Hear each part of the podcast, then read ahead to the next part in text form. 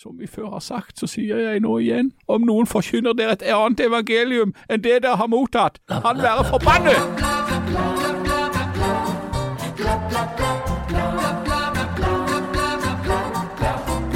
Ok, Vi har altså to valg, enten å brenne opp i Syden eller ryke i flommen i Norge. Jan er tilbake fra misjonen. Eh, Janne, har, Janne har funnet et fremmedord på internett. Harald skal foredra Og vi har fått et alvorlig spørsmål som helt sikkert kommer til å svare ganske flåsete på.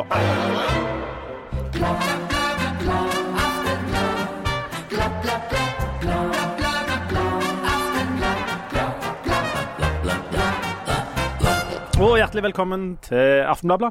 Her sitter hallo. vi altså med Harald Birkevold, som skal være med i Skal vi danse neste sesong. Det stemmer. det stemmer. Skal du donere honoraret ditt til en veldedig organisasjon? Jeg skal donere, donere honoraret mitt til meg sjøl. Donorere honoraret Donorere. til meg sjøl. Han skal donere det til OK, det, det er jeg for. Så har vi Janne Stigen Drangsholt, som skal være med på Farmen kjendis eh, neste år. Det skal jeg i hvert fall fuckings Du skal ikke. begynne, du skal begynne på, skal ikke være med på noe farm. du Du skal skal begynne på på Farmen. toppet. Er det ikke noe sånn eh, som involverer et hotell eller noe? Nei. Dessuten så låser du deg alltid bare inne på do på hotellet. Ja, jeg hater jo hotell. Om jeg kan gå nå? Ja, du kan det. Nei, du må være her litt, litt grann til. Og tilbake fra, fra misjonen har vi da uh, Hele Norge Bakers egen Jan Sahl. Hosianna. Hosianna. Halleluja. Og sjøl, du Leif Tore Lindø, hva skal du være med på? Jeg skal være med på uh, Ex on the beach? X, X on the Beach. Ja. Love Island. Ja, Tøft. Love Island. Det, ja, det kan jeg gå Love det, det, har jeg aldri, det har jeg aldri sett. Jo, det har jeg sett. Ja. Eh, jeg har en datter som ser på det, så av og til så smeller jeg innom det, og så skrur jeg det veldig fort av. Nei, eh, er det cheat? Eh, get the fuck out. Hæ? Sier de sånt, ja? De sier det på Love Island. Men den som har hatt den mest eh, dramatiske inngangen til dette, er jo du, Jan, som eh, eh, rett og slett forlot oss for misjonen. Men Ja. det varte ikke så lenge. Nei, altså, jeg eh, er kommet fram til at Gud er død. Nei, ja. Nå igjen. Men galaterne, de skal du Altså, det stemmer jo det. altså Galaterne er jo et fascinerende folk. Ja. Eh, altså, De rykte jo inn da på en måte eh, på, på 200-300-tallet, før eh, vår tidsregning. da, sant? Og- Men fikk du sparken eh, i Indremisjonen, eller, eller sa du opp sjøl? Jeg tok opp dette med galaterne, sant? og de hadde kommet inn, sant? de herja jo eh, i Lilleasia eh, veldig lenge der. altså eh, på en måte som jo fikk egentlig Paulus til å bli til å ase seg opp. Ja, han gjorde det. For han sendte jo et veldig strengt brev til dem. Eh, med at nå måtte de ta seg sammen ikke gi seg over til disse jødekristne. Så, sant? At, han, at han refser dem for det. Men, men, eh, men galaterne, de hadde jo altså Det var vel i 278 de reiste over til Lilleasia. Ja. Eh, mm, og, og, og, og det. bosette seg der i Øvre Frygia. Eh, altså rett der mellom elvene Sangarios og så Halus, da. Og Ja. det var det da som fikk eh, eh, navnet Galatia. Men, ga- men galaterne, du vet, du vet hva det egentlig hvor de kom ifra? Kom fra Gallia. Gallier. Ja, Ja, ja, ja. selvfølgelig. Ok, Men hvis du bor i Gallia, eller hva Nei, er det som er er jo Gallia Asterix Obelix. Astrix Obelix. Ja. Så det er jo egentlig keltere. Så galaterne snakket jo faktisk keltisk helt fram til 400-tallet, ifølge Hiro. Nå har jeg bare lyst til å høre om Uttrykket Gale-Mathias kommer jo egentlig fra Det er jo en forenkling av Galate Ja, ja, ja. Ser du? Var han leder for, for um, Galaterne, eller Mathias? han var en, en av lederskikkelsene der nede. Da. Ja, ja. Si. Men så ble det jo, altså da når Paulus eh, skrev til de eh, refsene, så hadde de jo altså blitt eh, først, først romersk protektorat, og så ble de romersk provins. Um, og, og Paulus han hadde jo vært involvert voldsomt i den strenge forfølgelsen av de kristne sjøl, sånn at eh, han, han tok jo på en måte et oppgjør med seg selv i Galaterbrevet. Eh, og dette tenkte jeg at dette var med å spinne en hel serie på, med, med en 10-14 eh, litt lange podkaster fra Misjonsselskapet. Ja. Og jeg hadde pitcha det, men jeg hadde glemt å si at det var en 10-14. Eh, sånn, de trodde det var 10-14 minutter. Eh, Åh. Ja, selv om Du kommer jo ikke- Misjonsselskapet er glad- Du klarer jo ikke engang å skrape overflaten på 10-14 minutter. Og skal du, skal du tre, altså, trenge inn i gallerne, så skal du gjøre det skikkelig. Akkurat. Ja vel. Akkurat. Og der røyk eh, Det var misjonssamarbeidet til Jan. Det var det. Er du veldig sliten nå, Janne? Ja, faktisk. Eh, jeg holder meg fast i bordet. Altså, Hva da for? Nei, bare jeg litt sånn svimmel. Er det tungt å komme i gang? Ja. Ja, det er tungt å komme. Vertigo.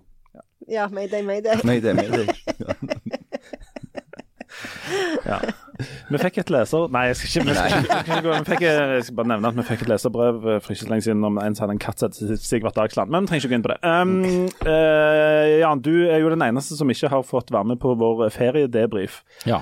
Um, og du er jo den som på en måte har hatt uh, den mest eh, dramatiske og kun, kun, altså den ferien med mest kontraster. Ja, altså, jeg, si. jeg, jeg var jo på mange måter den dere snakket om, mens jeg satt der og fordypa meg i, i Galaterne.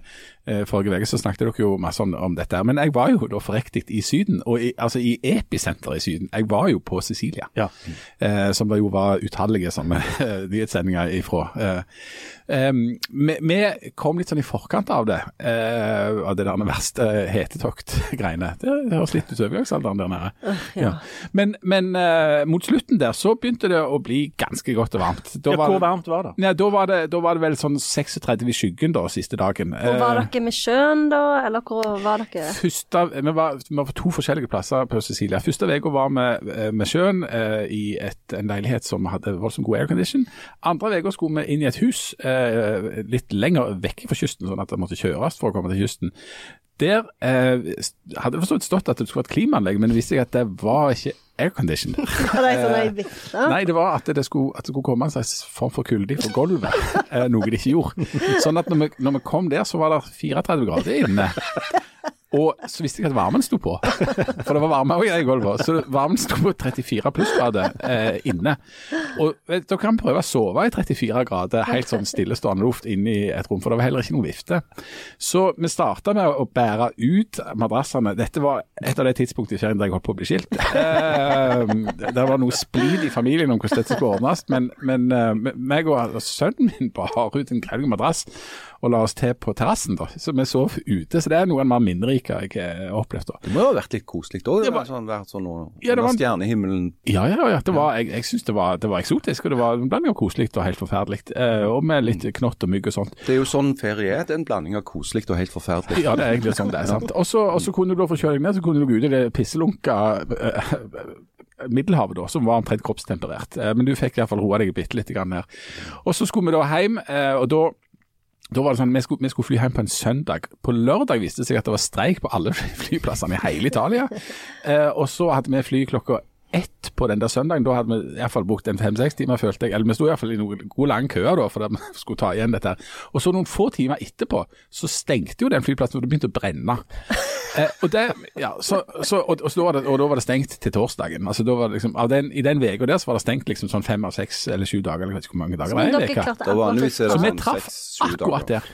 Men, Well det, done, men dette gjorde, det er jo dette som det har vært litt diskusjon om etterpå, dette gjorde at når, når vi kom hjem jeg har aldri vært så motiverte for 14 grader pisseregn eh, i tre uker etterpå på hytta eh, som da jeg kom hjem da.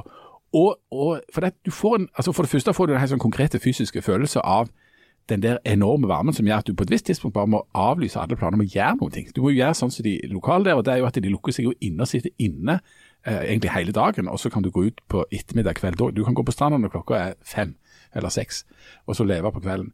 Og så, det så, så føles det som det er så mye sånn risiko. Det er så mye som kan gå gale nå. Det er så mye branner, og det er så mye ting som kan stenge og ikke virke. Det er liksom så mye sånn skrekkhistorie At vi har sett etterpå tenkt vi, neste år reiser vi ikke til Syden i juli-august. Fikk du følelsen av at du ferierte liksom i de siste tider og egentlig var på en slags dekk på Titanic eh, der nede når, når på en måte For, for du traff jo da eh, ekstremheten, Mm. eh, eh, brann og, og flykaos alt det der. Var det sånn følelse av, av litt sånn Ja, for, ja, ja, rett og slett, men det er muligens eh, godt hjulpet av sånn presse og, og, og medieoppslag og liksom medievirkelighetsframstillinger. Eh, For det- de fleste folk, det bor masse folk på alle disse plassene og lever vanlige liv, og det er jo titusenvis og hundretusenvis, sikkert millioner av av turister som reiser der, og disse landene er jo avhengige av det. Eh, men samtidig så bidrar jo hele den der omdreiningen som har vært denne sommeren, og som var forrige sommer, og som liksom har vært de siste år, til en sånn følelse av ja, at det brenner eh, bokstavelig talt på dass og, og, og, og på alle plasser. og at og, og Nå begynner en å snakke om at det kan, kan komme endringer i reisevaner. rett og slett, At, eh, at folk vil reise mer på de skuldrene av disse feriene. Og at det kan fort bli sånn at folk kommer fra Syden til oss istedenfor rett og slett for å kjøle seg ned. Det har allerede begynt. Ja, Det har allerede begynt, sant? Og, da, og da, da skjer det jo noe interessant der, rett og slett. Ja, det gjør det. Eh, jeg husker jo eh, før du dro, så snakket vi jo, så sa jeg det. Jeg har jo vært på, på Sicilia i juli sjøl, under en sånn hetebølge som kom opp fra Afrika. Og det var altså så enormt varmt at eh, jeg har all, nesten aldri kjent magen. Altså, Vi hadde òg 36 grader på Balkan i, i juli, men det opplevdes ikke som så brennende varmt som på Sicilia. Og når vi reiste altså uka etterpå, så ble det jo 43 grader. Ja, det er jo òg litt varmt. Og det, Hvis du syns det er varmt når det er 36, og når du da kommer opp i, dunker opp i sånn 43 grader i skyggen, må jeg få minne om. Og det som skjer, vet du, at når, når det er varmere enn du er inni deg, ut forbi deg, eh, så begynner du jo etter eh, noen tid å koke. Ja. Altså kroppen din begynner å koke. Det er dritten av det. Eh, det er ikke helt bra. Det er jo som å ha veldig høy feber i, i dag ut og dag inn. Det er ikke bra for deg. Eh, sånn at når du kommer opp i de temperaturene der, så er det jo direkte helsefarlig. Og derfor dør jo folk i hopetall. Nå høres det ut som vi hadde en dritferie, det hadde vi ikke. Vi hadde det jo veldig fint. Bortsett fra at det var- ikke gikk an med ruter, dere holdt på å bli skilt. Ja, nei, ja, men det ble alltid bra.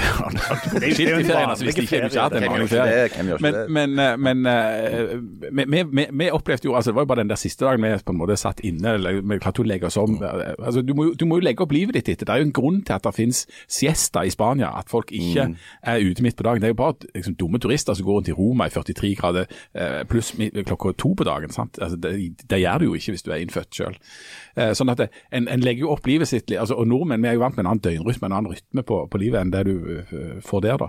Men, men eh, det, det var fint, men, men jeg tenkte, vet du hva, hm, tror ikke, tror ikke vi orker dette her en gang til. Janne, du, du er jo kanskje den av oss som er mest sånn entusiast på dette, på varmen og, og Syden når de um, har dere, Kommer dere til å legge om etter altså, Nå når det blir varmerekorder og sånne ting, kommer dere til å legge om liksom ferierytmen? Ja, jeg tror nok at det, vi kommer til å, gjøre det, ja. Eh, at det ikke blir sånn eh, For det var jo noen år hvor vi reiste til sånn Ravenna og Bologna og liksom de verste italienske byene. Midt i juli, sant? Midt i juli og vandra rundt der og eh, hadde heteslag. Eh, Så, så det tror jeg nok at vi ikke kommer til å gjøre. Eh, og, og det er jo det er jo sånn som du sa eh, tidligere, at det er jo det som er trenden nå. At det blir eh, ja, f.eks. England og Wales, at folk eh, reiser heller eh, til Nord-Europa eh, i eh, sommeren kanskje, enn å, enn å reise sørover. Men samtidig så Jeg har jo ikke vært i sydlige strøk i sommer, og jeg kjenner jo at det ja, At det mangler, sant? rykker litt i Ja. Men vi skal jo Vi pleier å reise Ja. til Hellas i høstferien. Da-da. Dun, dun, dun, Jeg vet ikke hvordan det går med Star Wars engang. Gjør du ikke? Jeg må da finne det ut på. Ja. Nei. Jeg svarer ikke, jeg. Gjør han ikke? Han, Eller- har han ghosta deg igjen? Ja, fordi jeg, jeg snakket jo litt med han i, i vår, da. Eh, og da virka det som gikk bra. Eh, for han sa sånn Ok. regards. Oh, ja. Ja. Regards. Det er tegn- tegnet på at, eh, Men- at det er alle tiders. Men samtidig så reiser jo nordmenn til denne sola av en grunn. Altså Grunnen til at vi har reist til Syden eh, hvert år, var jo at jeg i 2008 tilbrakte fem uker på hytta i pøsregn i alle dagene minus to. Og Da var det jo rett før jeg måtte legges inn på institusjon på slutten, for jeg var jo ikke det var hus med, verken for min egen del eller for familien sin del. Så da innførte jeg det såkalte shorts-direktivet. Altså hvert år så skal jeg være en plass der jeg er garantert å kunne gå i shorts i to uker. Så tåler jeg hva som helst etterpå. Så hvordan det mentalt kommer til å gå med meg hvis jeg da skal ha 14 dager pøsregn i fem uker til, det vet jeg jo ikke, så jeg garanterer ikke Så enten, hvordan, så, enten så må du være i Syden og begynne å koke innvendig, Ja. med de konsekvensene det ofte har, Ja. eller så må du være fem uker i leio i 11 grader og kuling og bli innlagt på mentalsykehus. Ja, ja, det er jo eh, det dystre utsikter. Ja, ja, ja, det er pest eller kolera. Ja, for det er akkurat Men du har jo, du, han kan jo falle tilbake på denne Da skal du alltid velge kolera, Du skal alltid velge kolera, fordi for du pest bare dauer du av. ja, Kolera kan holde, holde det gående en Du kan holde det gående. Ikke? Det var det som tok knekken på galaterne i sin tid. Det var det. Men um, der er jo um, Hjemme nå så har vi jo, ser vi jo hva som er alternativet. Veldig dramatisk her. Men altså nå i Norge er det jo sånn at de som har tatt turen ifra, da, ifra Spanjolia eller Italia eller nedover der, får komme opp og se litt på Vigelandsparken og sånt, og de får jo en opplevelse av at uh, Mange har jo dratt f.eks. til Bang i Valdres eller Ja. til, til Nesbyen for å få kjølt seg ned litt, og det har de fått! Ja, det har de virkelig fått. De sliter jo med tørke i Spania, det er ikke et problem i Vang. Nei. Det er ikke et problem eh, på, på Østlandet nå. Og bare for å tilgi meg en bitte liten rant, da. For det at hvis det er en, en gruppe av mennesker som akkurat nå bør gå litt i seg sjøl, så er det disse her eh, sjølfornøyde 50 pluss-personene, som stort sett bare er menner, som i de første dagene av dette ekstremværet satt i båten sin nede i ytre Oslofjord og la ut statuser om at det er helt kjempefint vær her, og dette er bare tull. Sånn? Altså, Det regner nå- bare lite grann. ja, det regner bare litt. Grann. Altså, det, hadde, det var faktisk sånn, og jeg skal tilstå at jeg òg tenkte, som jeg ofte gjør når det blir meldt ekstremvær, så tenker jeg ja, ja, det blir jo aldri så galt. Sant? Eksempel her på, på våre kanter så melder de noen ganger at det skal komme blåse noe helt kolossalt mye. Men vanligvis så blir det jo bare sånn vanlig drittvær, ikke sånn ordentlig. Men det som skjer på Østlandet nå er ganske ille. Eh, det er store områder som står under vann. Eh, det er begynt å bli fare, akutt fare for menneskeliv. De snakker om at Drammenselva kan stige opp til tre meter. I, i, altså, det er mye. Uh, sånn at dette er ikke egentlig noe å le av det som skjer på Østlandet. For vi vestlendinger er vel skyldige i, i å stundom eh, peke Ja, på Oslo og si ha-ha, nå har de fått litt regn. Mm. Idioter. Det er litt Dette er ikke litt regn. Nei, Det er litt sånn som når det, når det blir minusgrader og nordlendinger står og peker ned og, og ler. Men for, for dette er ikke litt regn, dette er ganske Det er ekstreme mengder. Greier. Og så skal vi jo huske på at eh, altså østlendinger, det er utrolig mye som er gale med østlendinger. Men det er ikke deres feil at det vanligvis ikke regner så mye der. Nei, Det kan vi ikke si. sant? de som har bosatt seg der. Så, sånn, Sånn at du, De har lagd seg til med byer som er designa for å ta unna en normal nedbørsmengde. Eh, Oslo for eksempel, er ikke designa på samme måten som Stavanger og Bergen. Hvis det regner ganske mye i Oslo, så blir det veldig fort oversvømmelser rundt forbi. For det at ledningsnettet fikser det ikke osv. Så videre. sånn at de har jo et problem som vi ikke ville hatt her. Og så har de en del elver og sånn eh, vassdrag og sånt som oppfører seg litt annerledes enn det de gjør, det Ja, de altså, gjør her. er de Elvene på Østlandet er jo ofte også veldig mye større enn de på, på Vestlandet. For det at de renner rolig, vanligvis rolig og fredelig slyngninger ned gjennom noen kjedelige dalstrøk. ikke sant? Sånn østlandsnatur, eller natur i gåseøynene. Eh, og, da, i, og I normale situasjoner så oppfører jo de elvene seg ganske sånn rolig. Men nå blir, jo, nå blir det jo helt eh, katastrofalt fordi at de ikke klarer å ta unna disse vannmengdene. ikke sant? Men det er jo, ja, for det er jo mye uh, regn. Men altså, i Stavanger så regna det 270 millimeter i juli. Ja, det var, det var vått. Jeg hadde ferie på, i to av de på, i Suldal. Sånn at jeg var jo ganske glad når jeg da altså da jeg tenkte ah, 36 grader i Berlin, bring it on. Ja, ja, ja. For da var jo jeg gjennomvåt og morken. Ja. Men så har jo vi eh, vestlendinger vært så våre, Vi må vel si såpass framsynte og ingeniøraktige og smarte at vi har iallfall lagd en natur som er noe bratt. Ja. Sånn, altså, sånn at det renner godt eh, unna. Hvis det hadde vært litt tak i de østlendingene, så hadde jo de òg lagd noen fjell og noe greier. Ja, sånn sant. at de Ja. ja. Og jeg hørte på radioen i dag, og da fikk eh, vi en shout-out fra Jon Smits, Jaha. som sa nettopp det, at hvis dette hadde skjedd på Vestlandet, hadde det vært null problem, for de har en natur som kan tåle dette. Ja, men husk- eh, og da tenkte jeg endelig, endelig får vi en liten sånn klapp på skulderen. Du kan jo nevne det i hvert fall. ja, ja. Men husk hva som skjedde på Vestlandet for det er ikke så mange år siden hvor du hadde den storflommen som eh, nærmest trua med å raske med seg hele Odda. Eh, ikke sant? Det, det, ja, det er mindre enn ti år siden når de hadde den gigantflommen på Vestlandet. Så, så det, alt handler jo om hvor, hvor, mye, altså hvor mye mer ekstremt enn normalt. Altså hvor mye over normalen er vi. Og normalen på Østlandet er jo lavere enn normalen her, da. Og så er det jo da interessant altså for da er det, så er det jo en stor diskusjon. Det er jo alltid hva er det dette kommer av. Er det, liksom, er det menneskeskapte klimaendringer? Er det noe eh, naturlig variasjon, eh, klimavariasjon i det? Og hvordan har vi bygd samfunnet og infrastrukturen vår for å Altså, Hva er effekten av det på, på dette? Sant? For dette, det er mye vann og regn, og det, det kommer sånne ting med noen slags mellomrom. De snakker om at dette er en 50-årsflom nå eh, der borte. da. Eh, Så er det klart at eh, når en har bygd liksom, asfaltveier eller, og, og har dyrka jord og fjerna trærne og, og, og gjort om på en hel drøss med ting, så er det jo klart at menneskelige inngrep også på bakken har en innvirkning for eh, hvordan dette Du blir. har lagt, Og- og- og- ja, du har lagt bekker i, rør, Ja. eh, og de rørene har en dimensjon. Ja, og når de er fulle, så går jo bekken opp eh, i verden igjen. Ja.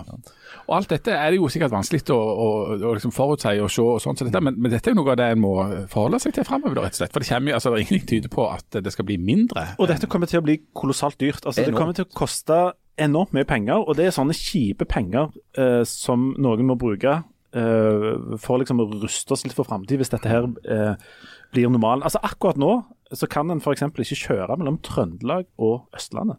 Altså, det, det er umulig nå. Der er, der Det er er sikkert applaus oppe i Trøndelag. Det er mange fordeler med det, men, men det er klart for noen er det jo òg en ulempe. Ja. Ja. Petter Northug, f.eks. Hvis han skal gå på ski fra Trøndelag til, til Østlandet. Du, Janne, du skal til Østlandet nå. Ja. Har du Ja, pakket støvlene? Eller hvordan har du tenkt å gripe det an? De var utsolgt altså- for støvler nå. Jeg regner jo Jeg har jo selvfølgelig eh, Altså, det skal jo slutte å regne. Ja. Jeg så jo at det der flytoget skulle begynne å gå igjen. Oi. Jeg leste Så- i boka at det skal regne i 40 dager og 40 netter. Hæ? Og da skal jeg- vi lage en svær ark som vi skal gå Ja, inn i to to og to, og galaterne skal få være med. Det er det siste jeg kan tenke meg. Det siste jeg kan. Da ble jeg heller med på Farmen enn å være i den dumme, stygge arken. Du, how's that for en uh, ny TV-serie? Arken. To, to inn. Det Med er masse sånn dyr og sånn. Og så Ja. bare dyr, og så, og så må du ta deg av det, så regner det grassat. Og så til slutt så sender du ut et dyr. Og så når han kommer tilbake med en olivenkvist, da kan du gå ut igjen, men ikke før. Og så har du de- kamera på alt. De dyra som ryker ut, de blir utrydda. Ja, de gjør Ja, det. ja, Ja. Nei, jeg virker stress. I hvert fall ikke noe for meg. Men du skal altså til Østlandet i dag. Ja. Det var et uh, modig valg, vil jeg si. Jeg skal på jobb. Det er såpass. Sånn kan det gå. Men er det noen som driver med sånn litteraturstudier på, eller språkforskning og sånn på Østlandet nå? De trodde bare de var på øst ut av kjelleren. Ja, det er de der Nasjonalbiblioteket. De ligger jo litt på toppen av en bakke, så jeg regner med at det Det var ikke godt, ja. Det er sant. Det er Men du, sant. Må, altså, vi er jo en positiv podkast, Ja, og det er en må jo alltid se positivt på ting. Og det jeg tenker jeg må jo være noe av det positive med dette her, det er jo at etter at det har vært sånn tørkeår i et par-tre år, så får vi jo fylt opp vannmagasinet og noe Ja. grassat. Og det Så har jeg jo- lest, at det det er kjempebillig strøm nå. Ja, Det, kan jo, altså det, det er jo gjevekstrøm strøm Ja. i Rogaland her. liksom. Ja. Men, men dette lover jo kjempegodt for vinter. Vi kommer til å bli søkkrike, for da, da kommer vi, vi kommer til å få betalt for å bruke strøm. Ja. Så jeg har satt på, før jeg gikk på jobb i dag, så satte jeg på denne terrassevarmeren på fullt. Han står på fullt. Ja, og jeg òg er sånn at nå lar jeg bare lyset stå på. Ja, ja, ja. ja. Eh, fordi jeg tenker at jeg tjener sikkert penger på, Du gjør det. på det. Du gjør det. regner netto. Du bare husker på at du må gi dem kontonummeret ditt, sånn at de Ja. vet hvor de skal sende. Jeg òg la merke til at det var, jeg satte på høytrykksbegynneren før jeg gikk. Ikke, altså Bare sånn at han står ut forbi og durer. For, fordi at jeg, eh, jeg trenger de pengene jeg kan få for å bruke. Jeg glemmer bruke jo aldri det for den der strømkrisa i vinter, når, når det var så utrolig billig strøm i, i Nord-Norge. Eh, så var det jo Det var NRK, tror jeg, som hadde reportasje med han der nordlendingen. så Han skulle til Syden. Ja. Og han hadde satt på boblebadet på fullt pådrag. fordi de jævla søringene skulle ikke få en kilowatt. Han skulle bruke alt sjøl. Det var jo en som inviterte inn så mange han kunne for at de kunne, skulle få lade elbilene hos seg. For, Ja. Og det var bare å plugge i fordi at det, det, han fikk penger for alt. Ja, ja, ja. Han ville bare, bare, bare få det brukt. Men dette, men dette er jo bra. Men vi skal eventuelt snakke om det etter pausen, for det blir jo voldsomt mye strøm oppe i Nord-Norge nå. Enorme mengder med strøm i Nord-Norge blir det. Lett. Kolossale oh, det kommer til å bli så bra. Ikke sant. Nei, men da, er det, da passer det gjerne med en liten pause, da. Ja, vi må ha en liten pause. Og så skal vi bare sette på noe elektrisk utstyr her, så vi får uh, kjent noen kroner. Og så er vi snart tilbake.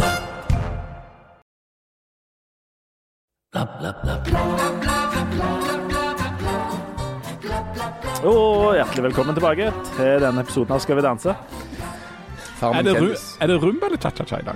Jeg, nei, jeg så at uh, Hadia Tajik skulle være med, så tenkte Mm. jeg at hun, hun blir god i denne cha-cha-cha. Det er sånn politisk kommentator. Ja, ikke sant? Ja.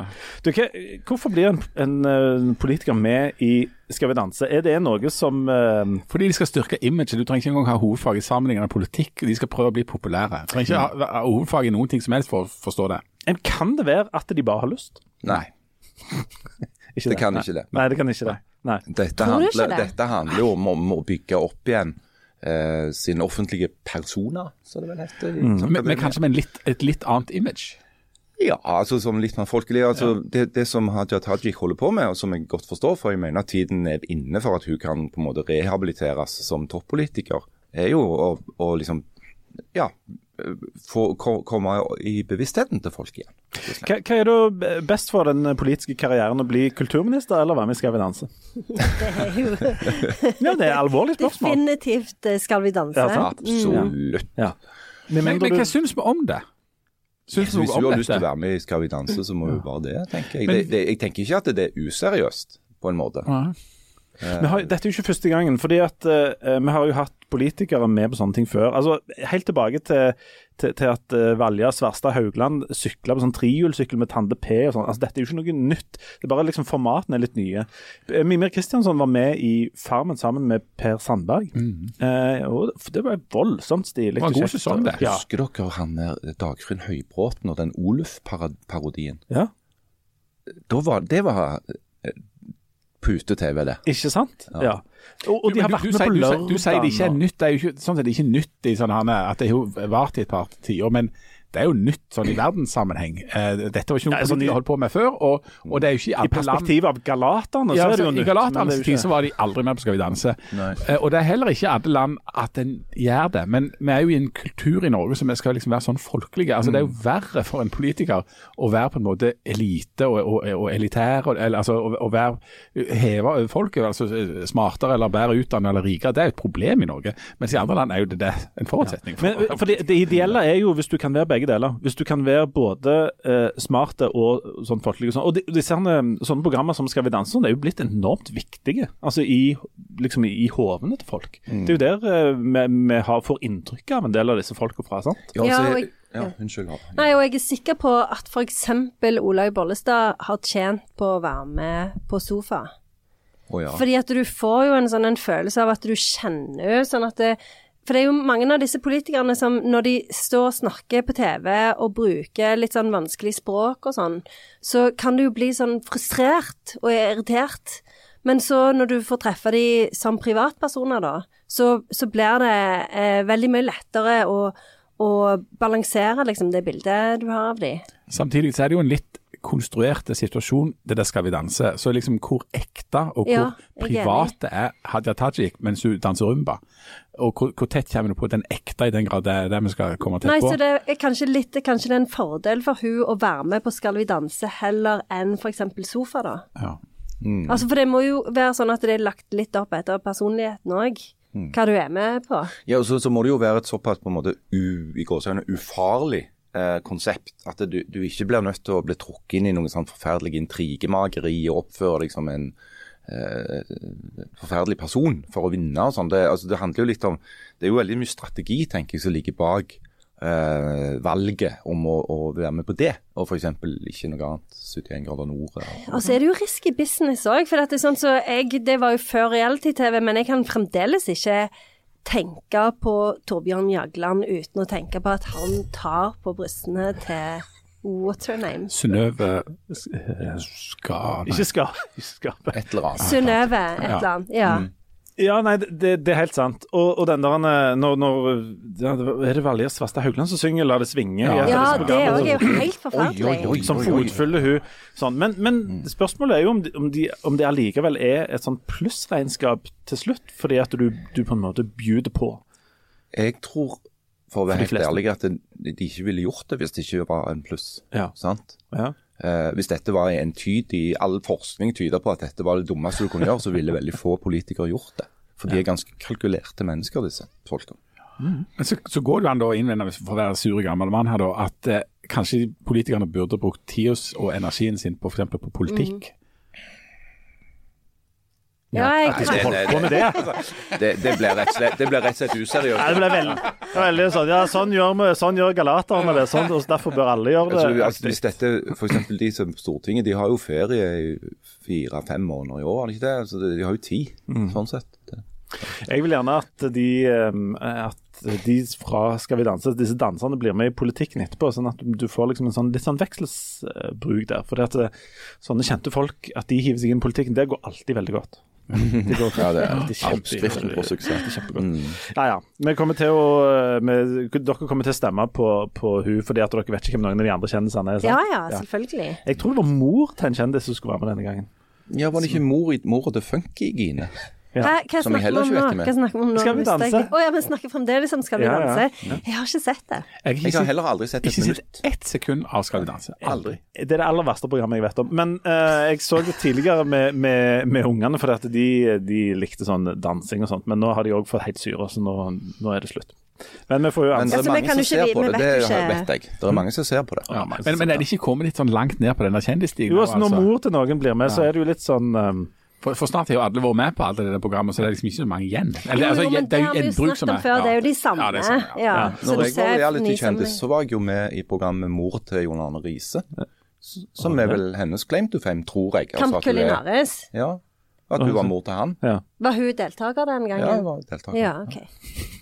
Altså, hvis, når du har vært med, så er de så langt nede i Da er de jo skuffa. i bånn av gryta uansett. Da hadde de ringt alle galaterne først og fått nei.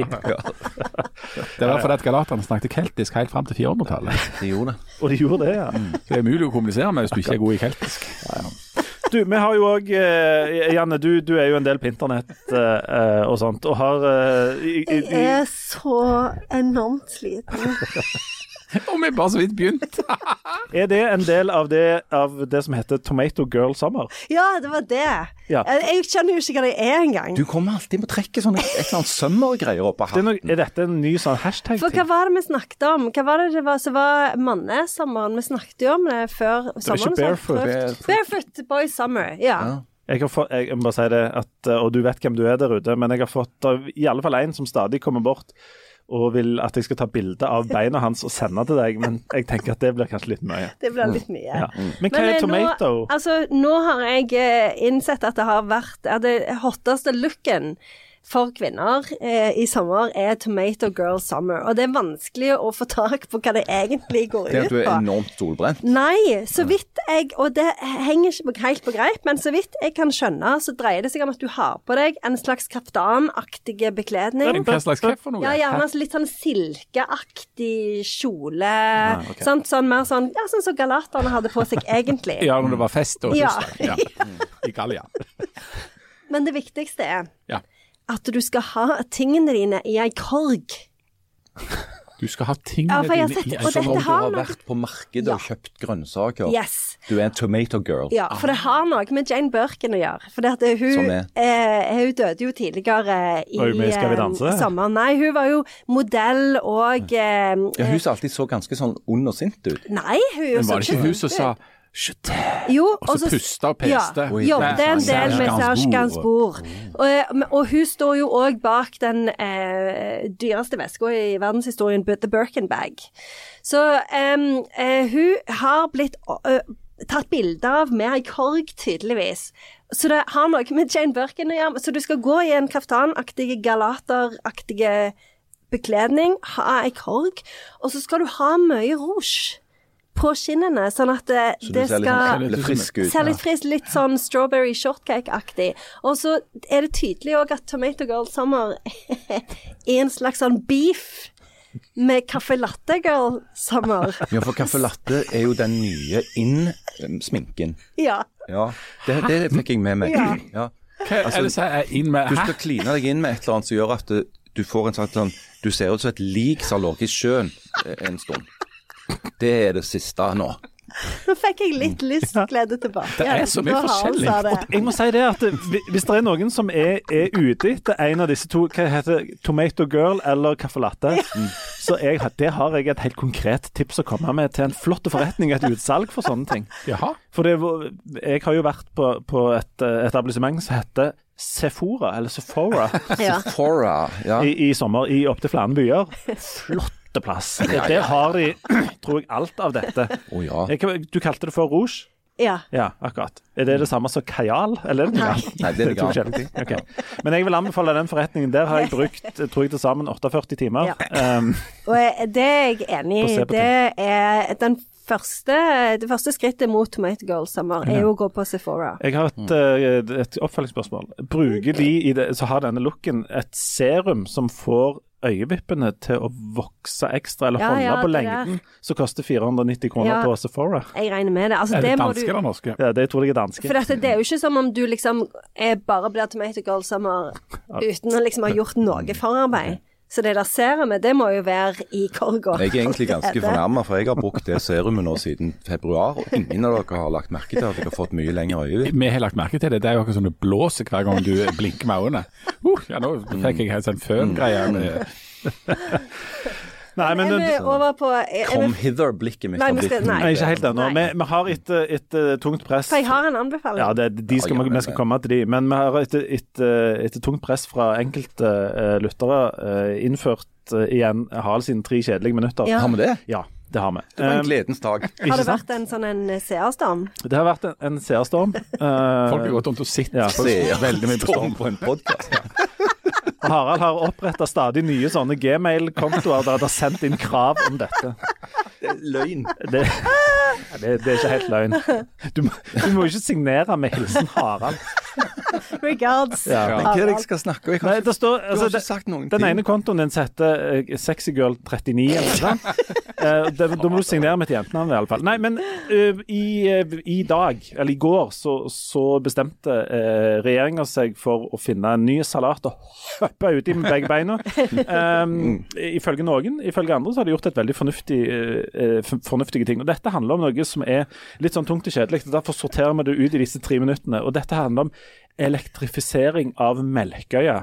Og De som døde litt midtveis i den settingen, har min fulle sympati. Men dette er altså store og, og, viktige og litt sånn avgjørende greier for eh, Norge eh, nå og i framtida. Det Dette handler altså om, gass og miljøpolitikk. miljø og. Og de tre neste minuttene, Harald, så godt du kan, Sett folka inn i kortversjonen av dette, og fortell hvorfor eh, det, er- dette er noe vi skal bry oss om. Hva er det? Elektrifisering, som han kalte det. Dette begynte veldig godt. Ja. Eh, Nei, altså, Melkøya ligger jo der eh, og plasker u i, i havet utenfor Hammerfest i Finnmark. Eh, Melkøya er da eh, en fabrikk som lager flytende naturgass. Eh, de tar inn gass fra feltene ute i havet, og så kjøler de han voldsomt ned sånn at han blir flytende. Og så kan han da fraktes med skip til de som måtte ha lyst på litt gass. Eh, Melkøya er, det største liksom, enkeltutslippet av eh, CO2 i eh, Norge. Eh, derfor så har det vært veldig viktig for eh, regjeringa å gjøre noe med det utslippet. Eh, Equinor, som eh, driver Melkøya, sammen med noen andre partnere, eh, har testa ut forskjellige løsninger som kan komme i inngrep med dette problemet, bl.a. dette med karbonfangst og -lagring, om det kan være et alternativ. Equinor har funnet ut at det er altfor dyrt. Eh, Så det som det nå er falt ned på, det er å elektrifisere. Eh, Det betyr at det gasskraftverket som i dag står der og lager strøm eh, til å kjøle ned gass, skal erstattes med eh, strøm, eh, fornybar strøm. Problemet i Finnmark er at de ikke har nok strøm nå. Eh, og For å elektrifisere Melkøya så må du bruke omtrent like mye strøm som hele Finnmark bruker på alt annet eh, på et år. Eh, sånn at For å få det til, så må det produseres enormt mye mer eh, strøm i Finnmark. Eh, og det må lages eh, veldig mange meter med nye kraftledninger fram til dette anlegget. Eh, og Det er oppskriften på veldig mye konflikt. Eh, den ene konflikten dreier seg om hvorvidt dette tiltaket faktisk er et reelt klimatiltak. Fordi at å spare utslipp i Norge eh, det vil jo bare føre til at den gassen som ble brukt i, i anlegget for å lage strøm, den blir istedenfor sendt til kundene et annet sted i verden og brent der. Så spørsmålet er, fører dette til noen form for sånn netto klimagevinst? Det er det ene. Det andre spørsmålet er, den strømmen som skal til for å drive dette anlegget, hvor skal den komme fra? Eh, det er et stort kraftunderskudd i, i Finnmark særlig. Eh, mye av den kraften som Finnmark utveksler, den kommer fra Nord-Sverige. I Nord-Sverige har de egne planer for å bruke den eh, strømmen. Eh, så skal en da tenke seg at en skal bygge ut enormt mye mer vindkraft f.eks. i Finnmark på land. Eh, så ligger jo denne Fosen-dommen fra Trøndelag i bakgrunnen som et slags spøkelse.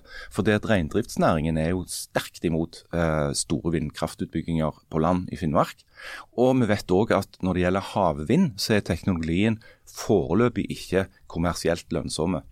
Sånn at dette her er òg oppskriften på veldig store offentlige utgifter. Det betyr at du og meg, og Jan til og med, og, og i verste fall Leif Tore, må være med å betale dette gildet da, på vegne av staten.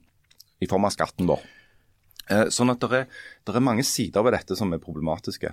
Eh, Men de som heier på det, sier jo at eh, fordi at Norge er forplikta av Parisavtalen, i tillegg så har regjeringen på helt på egen hånd eh, innført noen ekstra hårete mål, som innebærer at Norge ikke skal kunne kjøpe seg fri fra sine klimaforpliktelser ved å kjøpe kvoter i utlandet. Eh, alt skal tas innenlands. Eh, så er dette måten å gjøre det på. for det at Uten at vi får kutta utslippene fra Melkøya, så vil vi ha veldig liten sjanse til å nå eh, forpliktelsene om å kutte eh, så og så mange prosent eh, innen 2030. Eh, men at det høres alltid litt corny ut når vi snakker om at vi skal bruke strøm, altså sånn grønn eh, energi på et eller annet vis, til å produsere olje og gass. Ja, og dette er jo det norske paradokset i et nøtteskall. Altså, Norge er jo en av verdens største eksportører av olje og gass. Eh, og altså en av de største bidragsyterne til det globale klimaproblemet. Samtidig som vi har nasjonale målsetninger om å bli mer eller mindre utslippsfri. Og, og hvordan det der skal gå i hop, for det, er jo en, altså Dobbeltmoralen er såpass åpenbar at de fleste bør være i stand til å se den. Eh, og det er jo der på en måte, det, det er jo noe av dilemmaet ligger, og, og, og, derfor noe av den kritikken kommer. tenker jeg, det at øh, er det, er det riktig å, å, å, løse sine private om man kan kalle det det, klimaforpliktelser ved rett og slett å sende problemet utenlands? Og så er det jo også en illustrasjon av at vi har kolossalt mye penger da. Altså, men for, for, for det, Norge er et av de mest elektrifiserte samfunnene i hele verden. Vi er allerede for alle praktiske formål omtrent elektrifisert. Og vi har vært i 100 år. Og, og har vært det eh, ganske så lenge. Sånn at når du skal kutte utslipp her, så er det sånn Oi, ja, hvordan skal vi gjøre det da?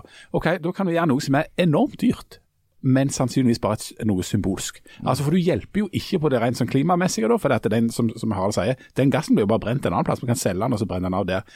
Um, så, der, så, Derfor er det altså sym, enormt dyre symbolpolitikk da, uh, vi holder på med. Og Det er det ikke så veldig mange andre land heller som kunne holdt på med. Jeg syns det er interessant at Statoil, som jeg pleier å kalle dem, men altså Equinor. De, de, de, har jo så mye penger nå at de vet nesten ikke hva de skal bruke det på. Mm. Mm. Men det er altså det offentlige som skal subsidiere noen enorme greier. og Det er liksom skattebetalere som skal eh, sette i gang med. Og, skal altså, og det skal brukes strøm som ikke finnes, og som det er veldig tvilsomt om de klarer. altså Det høres ut som et rent sånn fantasiforslag at dette skal være på plass til 2030. Ja, og, eh, altså Jeg er klar til å erklære eh, som sagt en dårlig spåmann vanligvis. Men eh, hvis Norge og verden når, og Stavanger kommune for den saks skyld, når sine klimamål, så skal jeg spise alle hattene jeg eier. Hvor mange er det? Nei, det er minst ti. Hva type hatter er det? Ja, det er litt ja, men, men, men, men, det, der, det, der med symbol og, og, og effektivitet. altså Hvis du skulle, hvis du skulle tatt en streng sånn her, sånn sosialøkonomiske cost-benefit-analyse av hvordan du best brukte penger som og kan kalles for egentlig politikk. da. Eh, der tangerer politikken faktisk sosialøkonomien. Altså Hva er den mest effektive bruken av det? Er det å sette i gang et kjempedyrt sånn et prosjekt som dette her oppi der, for at det skal se bedre ut på det norske regnskapet? Eller ville det på en måte de eh, pengene eh, bidratt bedre f.eks. hvis du brukte de på et eller annet, en annen plass der det ikke var så elektrifisert? Der, altså, på, på andre, altså At du så på klimatiltak som en globale ting, og ikke som en nasjonale ting. Mm. Der ligger det en, en konfliktlinje i politikken, da. Mm. Men jeg bare, jeg, for det som jeg ikke skjønner For at det, sånn som så, eh, dere sa, så er det jo noen som syns dette er positivt, og, men de fleste syns jo dette høres ut som et kjempe, kjempedårlig forslag. Så altså, hvorfor altså, altså, lanserer de det rett før valget? Hva, ja, er, liksom, hva er grunnen? Det, det klarer ikke jeg å forstå. Det er for å frigjøre en del, en del ordførere. altså, jeg, jeg, tror Hvis jeg skal prøve å, å, å legge godviljen til, så tenker jeg nok at uh, Jonas Gahr Støre og hans mannskap, med, særlig med energiminister eh, Terje Aasland, er nok overbevist om at dette er veien å gå. fordi at Hvis ikke Norge oppfyller sine forpliktelser når det gjelder nasjonale utslipp for Det er jo på en måte, det er jo sånn Parisavtalen er bygd opp. det At hver man skal feie for sin egen dør. For Det de var redde for når de lagde denne og andre sånne klimaavtaler globale, det er at alle de rike landene skal bare kjøpe seg fri ved å sende problemet videre ved å kjøpe kvotene til Afrika eller noe sånt. Mm. Da vil du aldri få noe utvikling i Afrika. Du vil aldri få noe industrialisering og velstandsutvikling fordi at den rike verden sitter bare og blokkerer. Eh, og det, det, er jo et argument som jeg kjøper. At de, de, de som forurenser mest, skal jo òg ta mest ansvar. Men det som er litt rart her, det, og Jan var inne på, det er at Equinor for tiden de har så mye penger at de ikke vet hvor de skal gjøre av dem. Samtidig sier Equinor at de klarer ikke å finne prosjekter som er altså, grønne investeringsmuligheter. For det at eh, denne grønne energien er foreløpig ikke lønnsom. Altså, de, de, de, klarer ikke å regne det hjem. Og når, når Statoil Nei, unnskyld, jeg sier Statoil. Norol heter det. Norol. Hvor vanskelig kan det? Har, de har på en måte to um, krav på seg samtidig. Det ene er å være liksom, med å løse dette globale problemet. Og det andre er å levere De skal jo tjene penger. Ja, De skal tjene de har ikke lov å drive på uten å tjene penger. Hvert kvartal. Ja. Uh, og så er jo de, Norol da, er jo i den situasjonen at staten eier 70% av aksjene. Så de er på en måte både et instrument for staten, men ikke. For de er jo veldig opptatt av å ikke være det. Eh, og Når de da ser en mulighet for at staten tar omtrent alle utgiftene for det at eh, Vi har jo en, en ordning, skatteordning for oljeindustrien i dette landet som gjør at meg og deg betaler 70 78% av utgiftene de har til hva det måtte være. I, i Gjenytelsen er jo at de betaler 78 skatt. Da. Eh, så er jo det ekstremt fristende. Altså, Hvem sier ikke nei til å Nei, hvem sier nei til å, at noen andre bare tar regningen for deg? Så det er klart- der, der er, så er det jo noen, noen da, som er litt, litt langt ute uh, på, på, en eller annen, på en eller annen front, som sier, eh, kommer med sånne banebrytende tanker som at det kunne vært en idé å f.eks. ikke holde slutte med dette med olje og gass. og sånn, For det får, altså, uansett hva du gjør med det, så er dette noe som på et eller annet tidspunkt blir brent opp. Da måtte, måtte så- vi jo òg slutte litt med denne velferdsstaten og det greiene. Ja, Ja. altså, for Det det, vært lite populært i ja, et det er jo helt, helt utopisk, Ja. rett og slett. Altså, Det er fremdeles behov for den typen energi. Eh, og så jobber en jo for å håpe at en finner ut av å finne andre måter å få skaffet den energien på, men, men per, per nå så er det helt nytteløst. Og at Norge bare skulle slutte med det, det er kan du legge ned eh, velferdsstaten og alt det greiene. men, ja. når, når, når, når Men, men, men en teknologisk løsning, det er jo det Stortinget da har bedt regjeringa om å gjøre. Det var jo dette med karbonfangst og -lagring. Altså at du fanger eh, det der utslippet, og så sender du det ned i jorda. Det er noe de har eh, drevet på med på vel Sleipner-feltet, eller hva det er for noe. Men de Eh, klarer men- ikke å få lønnsomhet i det. Nei, sant? Men, men da er det sånn lønnsomhet. Hva er så, altså, lønnsomhet da? Er det lønnsomhet i det der når de skal gjøre nå, da? Det koster høres ut som greit dyrt. For hele, men hele, hele denne klimagreiene har jo gått over fra å være noe som vi må, vi må bruke penger og krefter på, til noe som alltid skal være lønnsomt. Altså Dette må jo koste noe penger. Og altså, når, altså, Når vi gjør sånne ting som på Melkøy, så er jo det litt sånn som han eh, aller rikeste som òg er med å male på dugnaden, selv om det mest effektive kanskje hadde vært at man hyrte inn noen som kunne male og sånt. Dette, der er, der er en eller Det er jo sånn det folk gjør på norsk dugnad nå. Jo, jo. Så, sånn, sånn er det blitt. Men det er, et, er et lite element av litt sånn eh, eh, hva skal vi kalle det, etikk og moral også oppi dette her. Med at vi, Norge òg må gjøre noe hvis vi skal ha altså Vi, vi kan ikke ringe til Niger og si at dere må slutte å, å bli, mel, bli middelklasse eller noe sånt, fordi vi, vi vil ikke gjøre noe Det er et dilemma. Men samtidig så kan vi altså risikere å havne i en situasjon hvor vi bruker enorme ressurser på hovedsakelig symbolske tiltak, som i tillegg kommer til å føre til en storstilt rasering av norsk natur i form av utbygging av vindparker, eller vindindustrianlegg, som er et mer korrekt begrep, og store nye vannkraftutbygginger. Eh, er det bra i det lange løp? Jeg tipper på ja. Jeg vet ikke. Var det feil? Var det rett?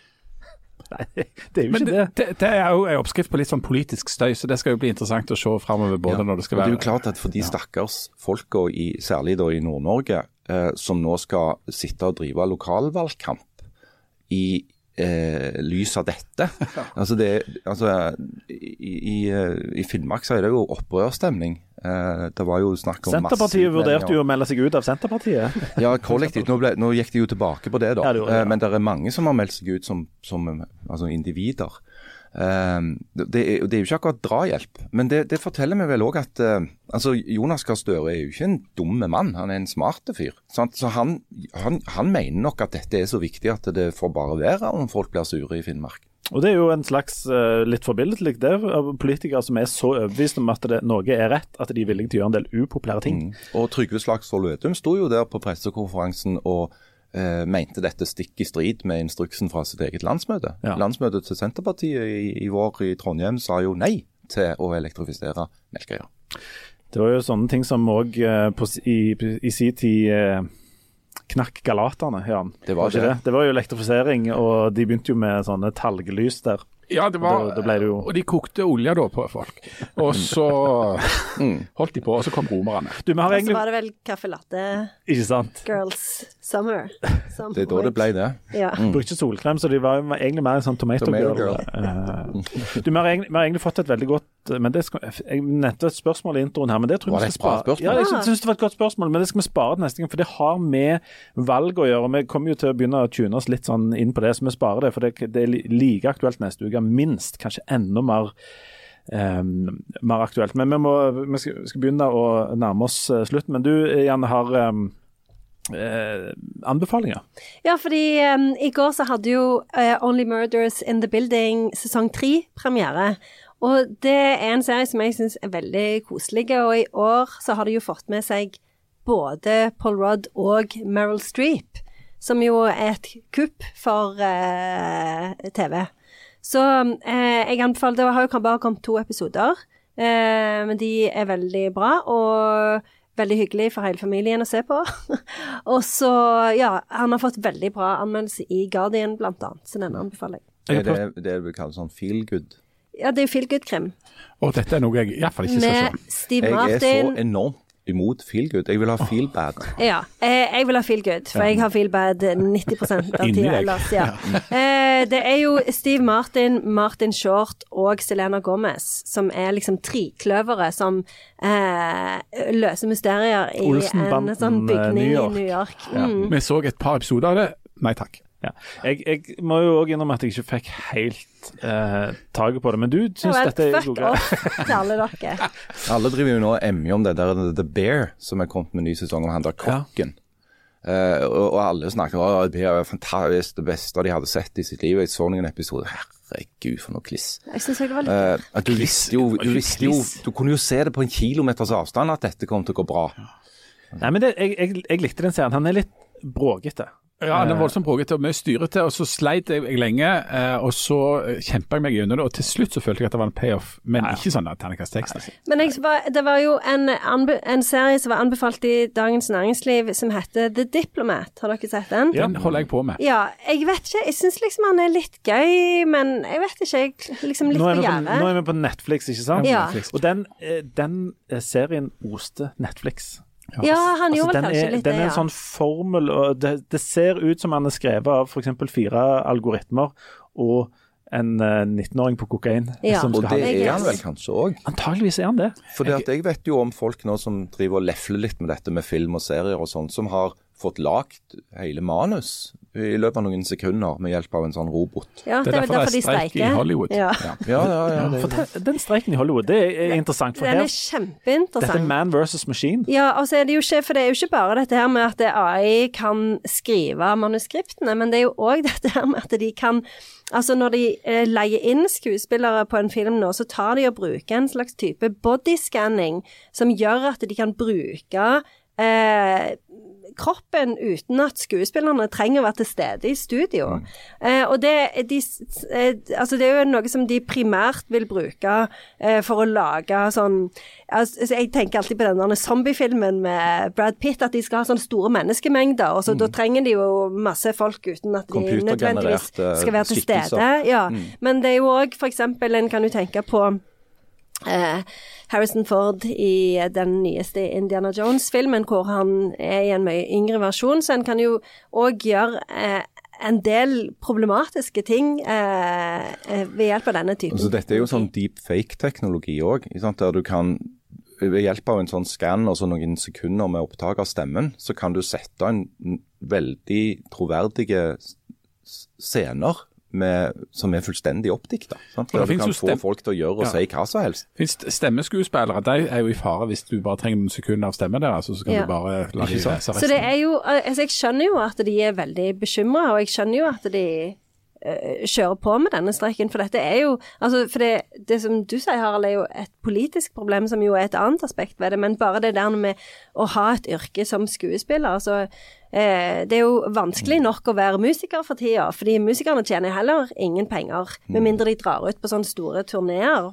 Eh, sånn som Taylor Swift, eksempel. Men, eh, eh, så det, er, det å være eh, skuespiller, eh, musiker, altså kunstner, vanskelig. Veldig Og de vanskelig. risikerer å bli altså, Eller de mener at de risikerer å bli overflødige. Altså at du trenger en sånn Hvis du har skanna eh, kroppen, ansiktstrekk og stemmen din og sånt, og så trenger du all, da får du aldri jobb igjen fordi at du har de, de trenger ikke mer av deg enn det. Og da, Det er jo litt sånn corny, for da tar jo disse maskinene over de tingene som vi trodde vi skulle få holde på med, mens de gjorde sånne drittjobber. Mm. så de Nå er det vi som gjør drittjobben, Ja. men maskinene De driver på med sånne skuespill og er advokater og sånn. og, og, og kunsten og alt Ja, dette her, de holder på med det. Ja. Mm. Og så eh, og så er det jo det der òg med når, altså, når folk ikke går på kino lenger, så er det jo òg et problem med, med streaming, fordi at eh, skuespillerne får jo nesten ikke noe betalt for, for streaming. Og det dette gjelder som og Ja, akkurat som Ja. musikere. Og dette Mm. gjelder jo ikke minst for de som har skrevet disse manusene, eller som tidligere da var ansatt over lang tid, og som fikk uh, royalties hver gang en serie ble sendt igjen på en TV-kanal, men uh, de- strømavtalene er ikke i nærheten av så gode. De er bare liksom ansatt for å være der en kort periode, og så kan de nærmest generere manus etterpå med kunstig intelligens. Og dette kan føre til at vi på et eller annet tidspunkt går inn i sånn TV-tørke. Ja. At, at det rett og slett blir mangel på ting å se på. Hva i all verden skal vi gjøre da? Nei, altså, skal vi gå tilbake igjen til Sandnes Videosenter, da? Mm. Eh, og, og, Jeg ser for meg se scenene. liksom eh, Altså, Én ting med klima, krise og alt sånt, men hvis det ikke er noe på TV, da, er det, da, er det, da, blir det, da kommer folk ut i Skal vi lese bøker, da? Nei. Da blir det brennende bildekk og Men når vi skal ha sånn egen sånn filosofipodkast en gang, så må vi snakke om for, det, for kreativitet er jo noe en har forbundet med at det er genuint menneskelig. da. Men hvis kreativiteten blir erstatta av kunstig intelligens, da altså Ja, og jeg tenker at det er jo ikke så veldig vanskelig. For, at det, når en, altså, for det er jo, sånn som du sier, det har vært veldig gøy å snakke om. For eksempel, vi har jo snakket mye om Quest Narrative. Eh, eh, Har vi snakket om det? ja, Ja, ja, det var- hele tida i denne podkasten. We're on a mission. Ja. ja. Og en, hvis du har en sånn type modell som jo brukes i, i nesten altså sikkert sånn 90% av alle Hollywood-filmer som kommer ut, så er, er ikke det sånn sykt vanskelig å lage en sånn AI-versjon av det. Nei. Eh, Så, så, så det har jo litt å gjøre med at det, den banaliteten som har vært i, i Hollywood over, over lang tid, eh, at den eh, Det er kanskje ikke så veldig vanskelig for eh, AI å ta over. Altså, tror... Hva er kreativitet? Har vi, mm. blitt late? Altså, er vi mindre kreative enn vi var før? Men jeg tror jo på de som sier at dette endrer alt, akkurat som enkelte andre sånne teknologiske gjennombrudd har gjort det. Om det er mobiltelefoni eller internett eller hva det nå er. Altså, dette AI-greiene, det går ikke an å få den tannpastaen inn på tuben igjen. Sånn at jeg tenker jo at det som blir strategien, er jo at folk må begynne å forholde seg til det. Må bare reali altså realiteten at det er der. Og så må du si hva, ok, hva gjør vi da? Men nå leste jeg i sommer at chat-GPT er blitt dummere. Ja. 80 dummere. Ja. ja det er blitt litt dummere. 80 80 Det var dummere. mye dummere. Mye, mye Har han dummere. drukket for mye vin? Vet ikke hva han holder på med i sommer. for kan jo kanskje så den være- der på det kan jo være noe de har skrudd for å få folk til å kjøpe den betalversjonen istedenfor. Ja, men det er husets svin og pommes frites. Altså, det er og så blir smartere av det der, eh, det der opplegget der. apropos så så jeg at det var mye is og sol når de gikk inn når de skulle ha denne åpningen av den, eh, eller den pressekonferansen i går på der Melkøya. Veldig. Ja. Men du, hvis dere må lese ei bok eh, så I sommer leste jeg ei bok som handler om, hold dere fast, Lukas, Paulus og Galaterne. Nei! Jo. Hæ? Var det det Emanuel Carré? Ja. Den er så bra, den boka. Ja. The Kingdom. The Kingdom. På engelsk. Jeg, jeg, jeg sleit meg jo Jeg innrømme at jeg sleit meg delvis gjennom. Han var, var, var, var veldig stilig og, så, og, og god på en måte, men han er, han er jo ikke lett. Jeg synes han var litt tunge. Men den handler om Paulus, Lukas og galaterne og de jødekristne og alt det, alt det greiene som du snakket med sånn Mikke Mus-stemme. Det har han gått inn i med fullt franskt alvor. Avbrutt med litt sånn eh, personlige fortellinger om, om uh, alt slags mulig. Men eh, stilig bok. Anbefaler den. Men den er litt vond å lese, syns du ikke det? Altså, sånn, han er litt sånn du, alt- Det blir veldig sånn eh, Tror jeg på dette? Jo, jo, ja, jo, jo. Du, du, hvis, du mister troen på alt, inkludert Gud og menneskeheten, sant, så er det en god bok. Men òg for å få innsikt i Jan sitt spesialfelt, nemlig galaterne og forskjellig. Du har ikke lest den, Jan? Du er så opptatt av galaterne. Jeg, har lest, jeg, jeg leser jo bare Paulus sitt brev til galaterne. Ja. Og, det, og det kan jeg aldri få nok av. Grunnteksten. For så han skriver. Jeg undrer meg over at dere så snart vender dere bort fra ham som kalte dere ved Kristi nåde til et annet evangelium. Skjønt det ikke finnes noe annet, det er bare noe som forvirrer dere og vil forvrenge Kristi evangelium. Men selv om vi eller en engel fra himmelen skulle forkynne dere at et annet evangelium enn det vi har forkynt dere, han være forbannet. Som vi før har sagt, så sier jeg nå igjen, om noen forkynner dere et annet evangelium enn det dere har mottatt, han være forbannet! Satt du bare og leste opp eh, Paulus sine brev for denne podkasten? Men så er jeg òg med tolkning og tekstanalyse, og, og kultursosiologisk Eh, ikke analyse. og det syns Misjonsforbundet, eller Sambandet, eller det var, eh, eller Foreningen. Var en god idé i teorien, men når de hørte hva det ble